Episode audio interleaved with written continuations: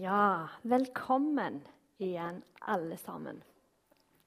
Og velkommen til du som er på ferie og hører på talen på nett. Veldig godt å ha dere med, alle sammen. Vi er altså kommet til tale nummer fire i denne serien som vi har kalt Pusterommet.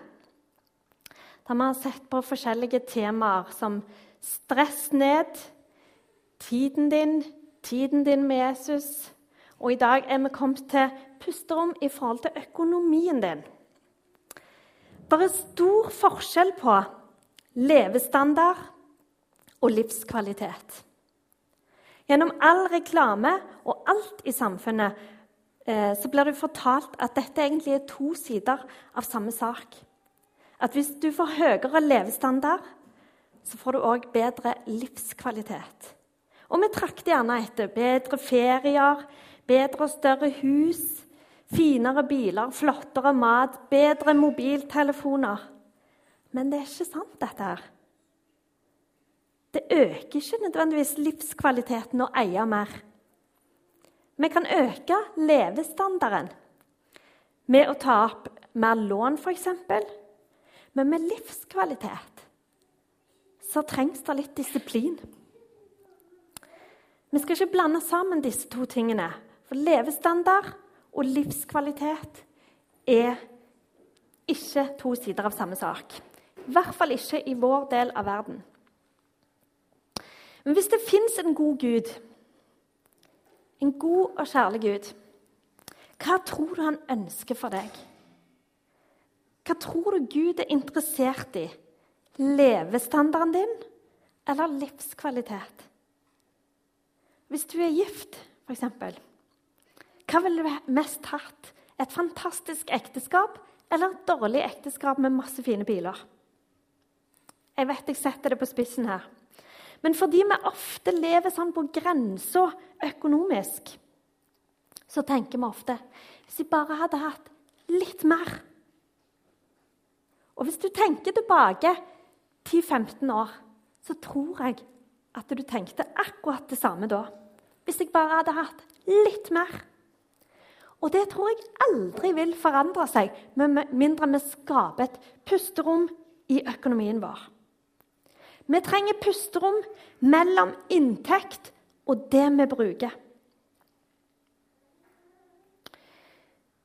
For å få bedre nattesøvn, for å ha et eh, godt bønneliv, for å ha god konsentrasjon. Hvis ikke så blir vi lett slave. Når vi lever sånn på grensa økonomisk, så blir vi slaver av pengene. For da er det pengene som styrer hva vi skal gjøre, og hva vi ikke skal gjøre. Hvor vi skal reise på ferie, hvor vi ikke skal reise på ferie. For dere som er litt sånn visuelle, sånn som meg, så skal jeg vise dere et bilde her. En graf. Bare for å presisere dette har jeg gjort helt sjøl, uten hjelp av noen. For dere som kjenner meg, så mangler jeg det tekniske og matematiske genet. Så dette er altså et bevis på at det fremdeles skjer mirakler. Og det at jeg er den som holder den talen, bør gi dere masse håp. Vi har altså her oppover er lønna eller inntekten vår. Bortover er tida. For de fleste av oss har steget i lønn over de ti siste åra. Noen har gjerne gått litt sånn opp og ned, men de fleste har hatt en stigende kurve her.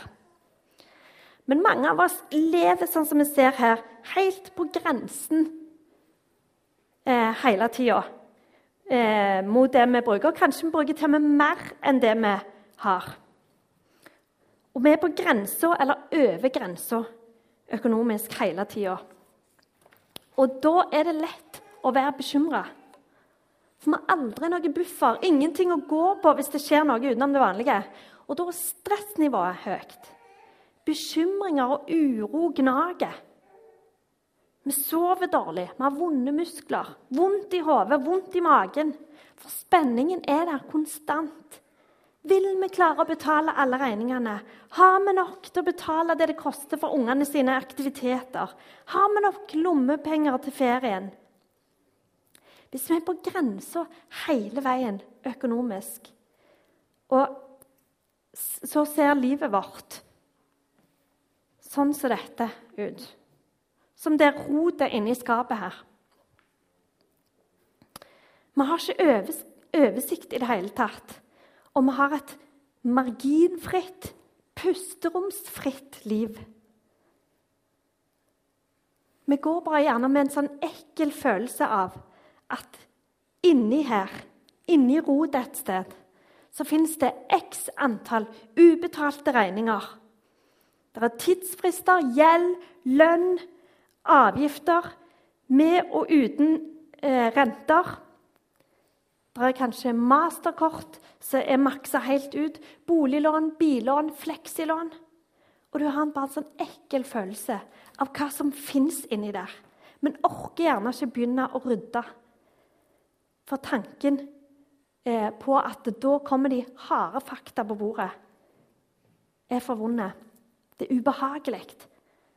Og vi tenker gjerne at bekymringene kommer til å vokse enda mer hvis vi begynner å rydde. Og vi blir slaver under det. Og da er det penger eller mangel på penger som styrer livet vårt. Du kan ikke bli med på den restauranten med de andre.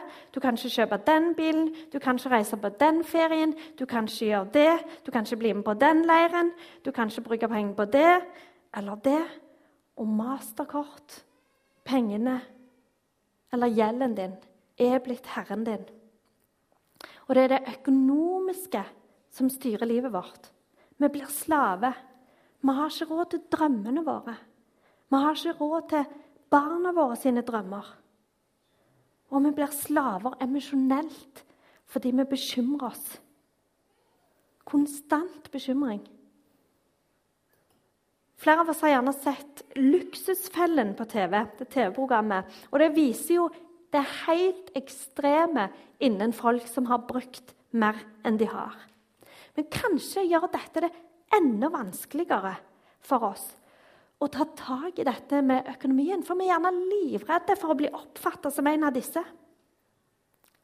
Men tenk deg hvis grafen vår heller så sånn som dette ut. Med et pusterom. Og det er jo dette vi vil ha. Uansett om du er ung eller gammel, gift eller singel eller hva du er. Det er jo dette vi ønsker. For det gir oss god nattesøvn. Det gir oss fred i sjelen. Det gir oss mindre muskelsmerter, mindre hodepine.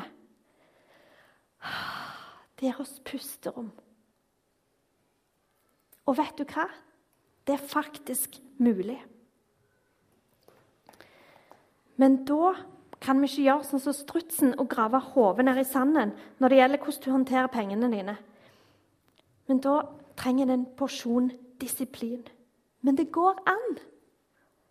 Og da skaper du pusterom i den økonomiske situasjonen når du blir fri.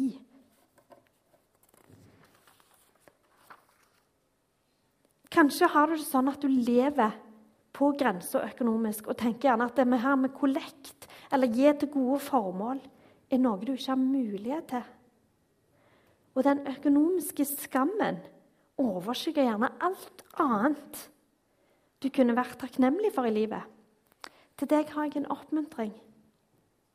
Det trenger ikke være sånn. Men det krever litt disiplin av deg. Og kanskje må du senke levestandarden din et hakk. Men vet du hva? Jeg tror det er verdt det. For det vil gi deg en økt livskvalitet, en ny frihet, pusterom, ro i sjela og senke skuldre. For over 2000 år siden forutså Jesus dette problemet. Han fortalte lignelsen om den uærlige forvalteren i Lukas 16, som fikk sparken av herren sin, men som på et vis fant et triks for å komme seg ut av den situasjonen. Men på slutten altså av denne lignelsen så sier Jesus ingen kan tjene to herrer. For enten vil han hate den ene og elske den andre, eller så vil han være trofast overfor den ene og forakte den andre. Dere kan ikke tjene både Gud og mammon. Og kanskje har du eller har hatt to arbeidsgivere og opplevd hvordan det er eh, å bli skvist mellom disse to som begge forventer alt av deg. Eller kanskje har du opplevd at mor di sier noe, og far din sier noe annet. Kanskje foreldrene dine er skilt, og du har to sett av regler å forholde deg til.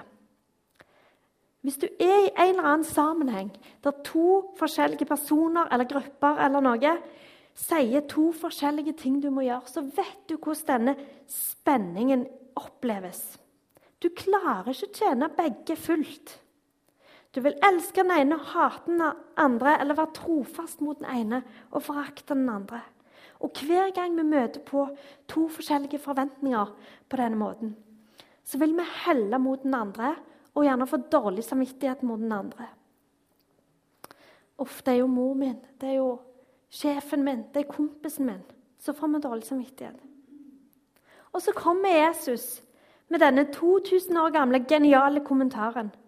Du kan ikke tjene både Gud og penger. Hæ? Du mener vel Gud og djevelen? Nei, Gud og penger.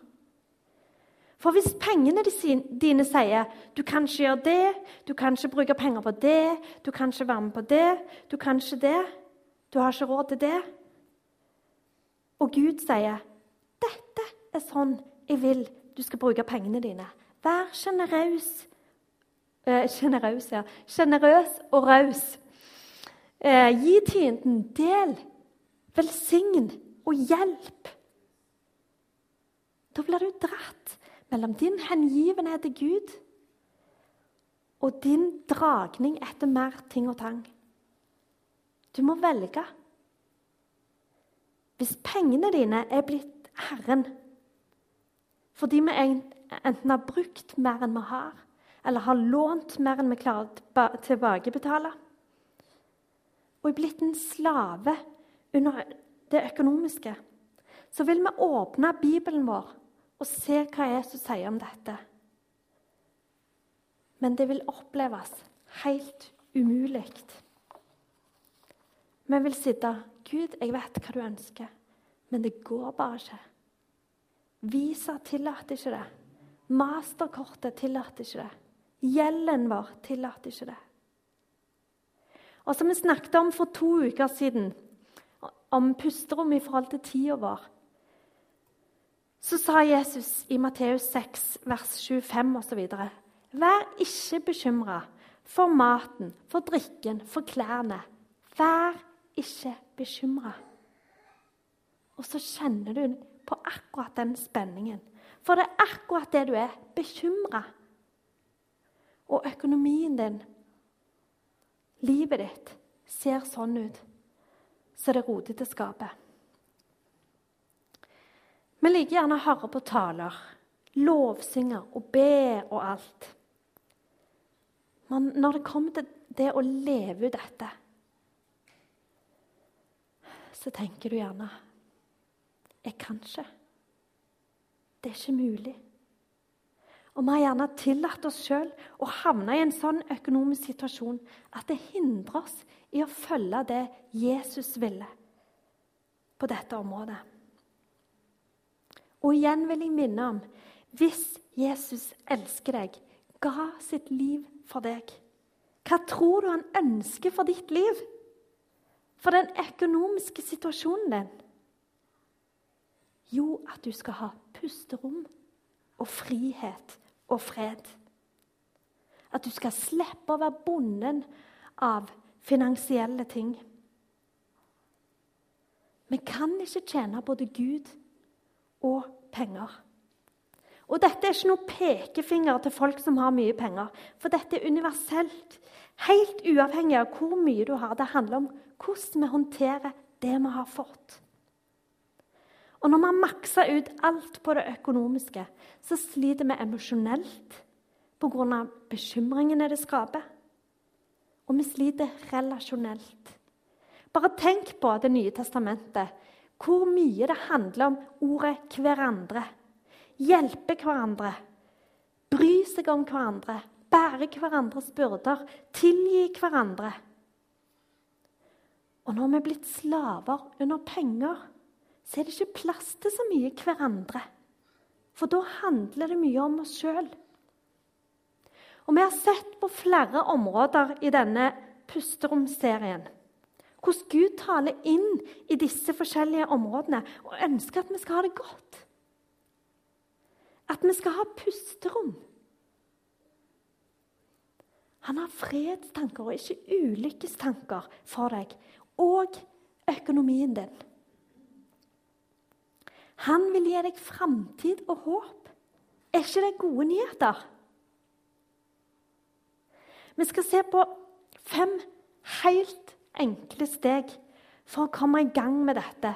For å prøve å få livene våre til å se litt mer ut som dette. Med mer orden. Og da er steg én Bestem deg.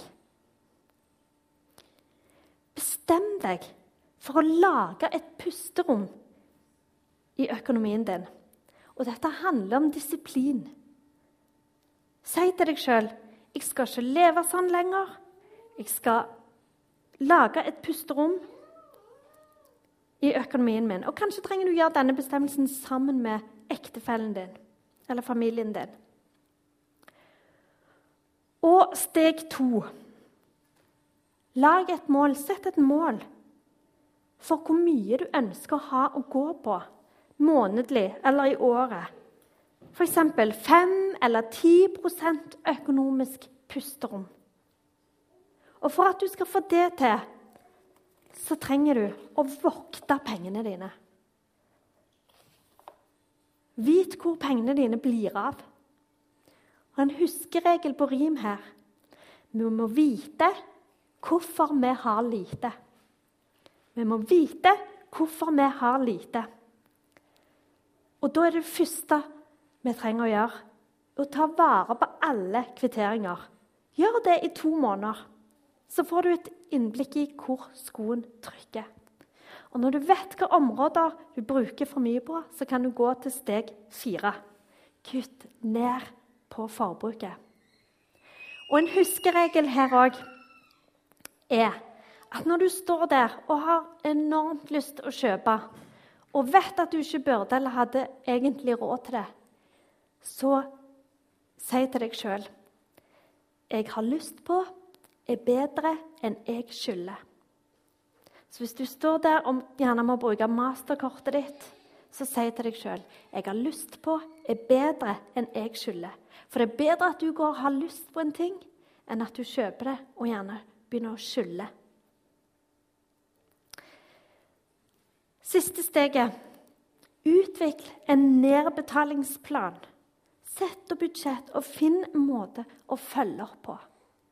Dette er fem enkle steg for å komme i gang, sånn at livet vårt, økonomien vår, kan se sånn ut som det ryddige skapet.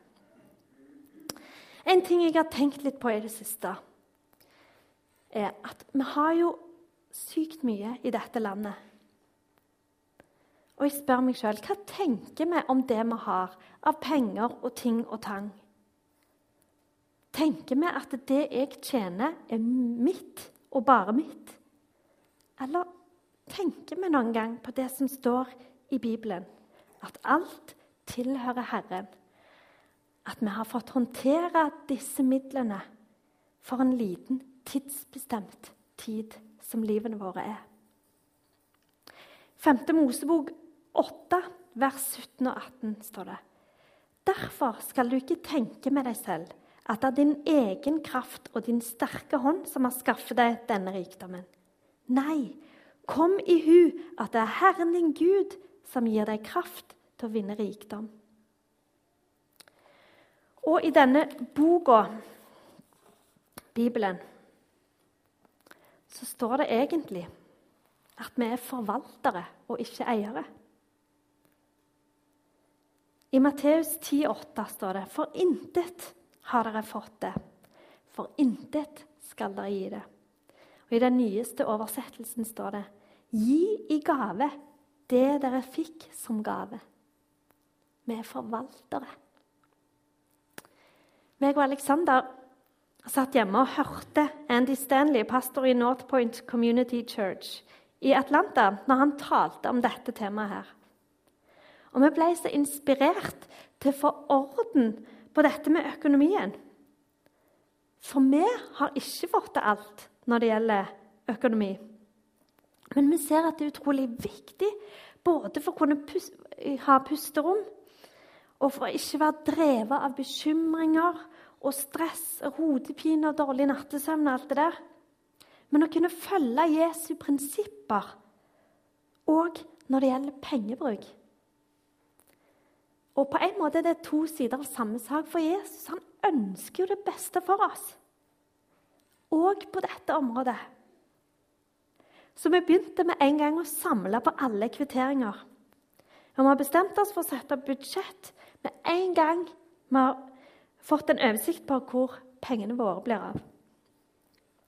Og det er ikke bare lurt, dette her, men det er enormt viktig for opplevelsen av å kunne puste.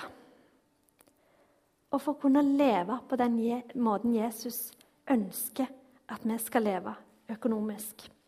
At vi skal være rause og gi, og ikke være ufrie eller slaver under det finansielle.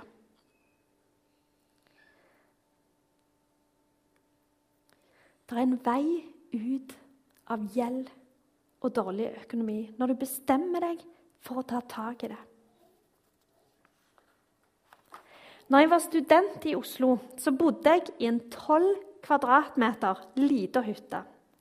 Det er nemlig sånn at oppe på pene Grefsen i Oslo, for dere som har vært der, så er det en del svære villaer.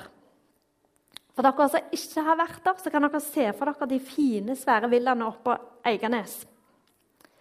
Og Fra gammelt av så hadde disse villaene hytter i hagene. Jeg vet ikke om det var til husholdersker eller tjenestepiker eller et eller annet, eller om det bare var til folk som kom på besøk. Jeg vet ikke hva disse egentlig ble brukt til. Men i, alle fall, i den hytta som jeg bodde i, så var det ikke innlagt vann. Det var en utekran som fungerte fint om sommeren. Men når jeg skulle på do eller dusje, så måtte jeg gå gjennom den store hagen. Og igjen, hvis du ikke har vært der, Se for dere de store, fine hagene på Eiganes. Så langt måtte jeg gå for å komme til badet. Um, og ja da, det gjaldt om natta òg. Stress. Mm, det var det. Og det hendte at jeg gjorde mitt bidrag til komposthaugen på nattestid rett bak hytta. ja. Skal ikke gå i detalj her. Og Jeg skal ikke nevne hvordan det var om vinteren her. Uisolert. Med en sånn eldgammel krakkelovn med all slags utsmykninger på. Og en enormt lang pipe som sikkert var verneverdig. Så denne kunne jeg ikke bruke, for den var for gammel. Nei, vet du hva, jeg skal ikke gå der. Og nå høres jeg sikkert ut som jeg er 100 år gammel. Eh, så for dere som hører på nett, så er jeg altså ikke fylt 40 engang. Men poenget er at levestandarden min har jo gått betraktelig opp siden denne tida. Men jeg hadde ikke dårligere livskvalitet da enn jeg har nå. Det var en kjemperik tid for meg. Jeg var aktivt med i Maritastiftelsen sitt kjempeviktige arbeid for narkomane og prostituerte i Oslo. Jeg var med i fengselsarbeidet deres på Ila. Og jeg tror denne tida er det den tida som har forma meg mest som menneske. Så livskvalitet og levestandard er ikke det samme. Gud har gitt oss noen gode råd for å forvalte det han har gitt oss. Han visste at dette med penger kunne være en utfordring for oss.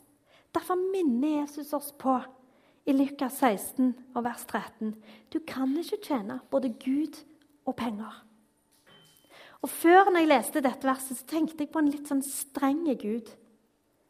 Men nå er jeg overbevist om at det er Gud, den gode hyrden, vår himmelske Far og fredsfyrsten, Gud som er kjærlighet, som sier dette til oss. Fordi han vet at vi trenger pusterom. For å oppleve fred og ro, frihet og på det økonomiske området. Og velger vi å ta tak her og følge Jesus når det gjelder dette med økonomien vår, så har han jo sagt at han har lovt å være med alle dager. Vi er ikke alene, og han er vår rådgiver som ønsker å hjelpe oss. Det er fullt mulig å få til dette, som vi har på den gode grafen. Som kommer øyeblikk. Der, ja. Det er fullt mulig å få til det. Så bestem deg. Sett et mål. Vokt pengene dine og finn ut hva du bruker penger på. Kutt ned på forbruket, og lag deg en nedbetalingsplan. Gud ønsker pusterom inn i økonomien din. Skal vi be? Himmelske Far, takk for at du har fredstanker for oss, ikke ulykkestanker. Du ønsker å gi oss framtid og håp på alle disse områdene som vi har snakket om i denne serien, Herre. Og på dette med økonomien vår. Jeg ber om at du skal komme og tale til oss, Herre, og hjelpe oss, Herre, til å tjene deg, Herre, og ikke pengene, Herre. Herre, hjelp oss til å ære deg med alt det du har gitt oss. Både av penger og helse og et godt land å bo i, Herre. Hjelp oss til å ære deg tilbake igjen.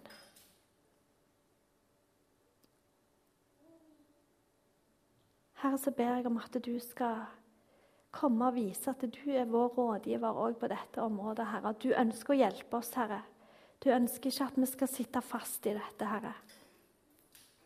Men du ønsker å fri oss ut, Herre.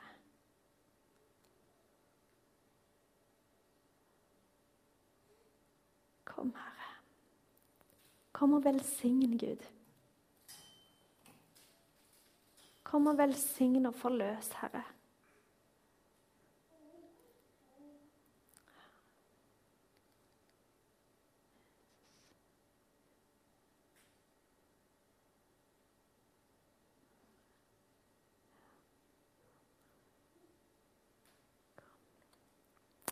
Kom, Hellige Ånd. Ber i Jesu navn. Amen.